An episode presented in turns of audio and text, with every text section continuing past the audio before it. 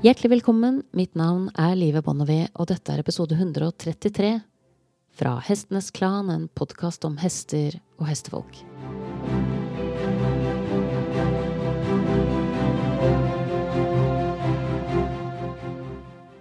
Dette er en refleksjonsepisode, der jeg egentlig plukker opp tråden fra noen av de tingene jeg og Katrine Bohr snakket om i forrige episode, i serien Hestekvinner snakker om hest.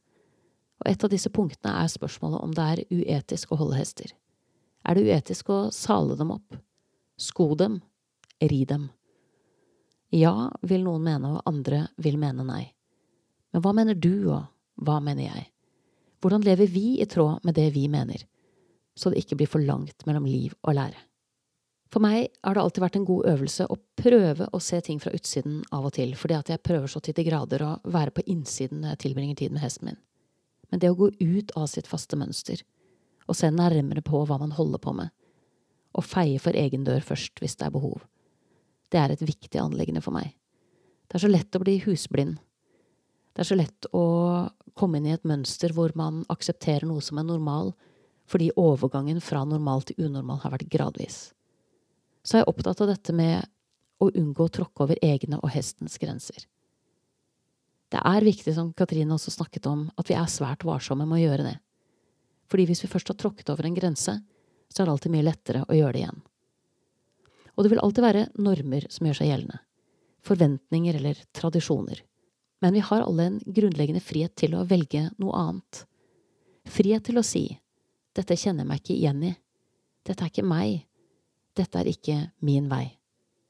For temmelig nøyaktig en uke siden så satt jeg ved et dødsleie. Og da kommer jeg i tanke på, som jeg har gjort de gangene jeg har mistet folk før, som har stått meg nær, hva er det vi ser tilbake på når livet vårt ebber ut?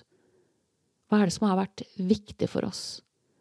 Og hva er det man kan tenke tilbake på med kjærlighet når man vet at det snart er over? Hva var de viktige tingene i livet?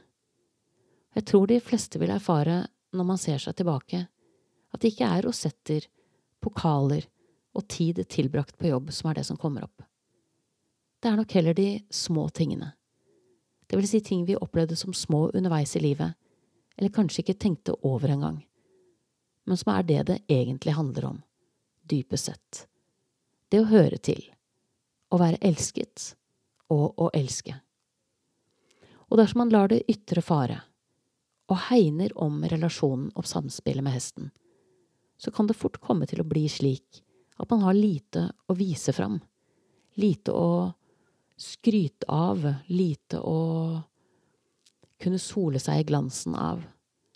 Men er det ikke egentlig slik med alle gode relasjoner, at de er så mye større på innsiden enn på utsiden? Du har nettopp hørt episode 133 fra Hestenes Klan, en podkast om hester og hestefolk.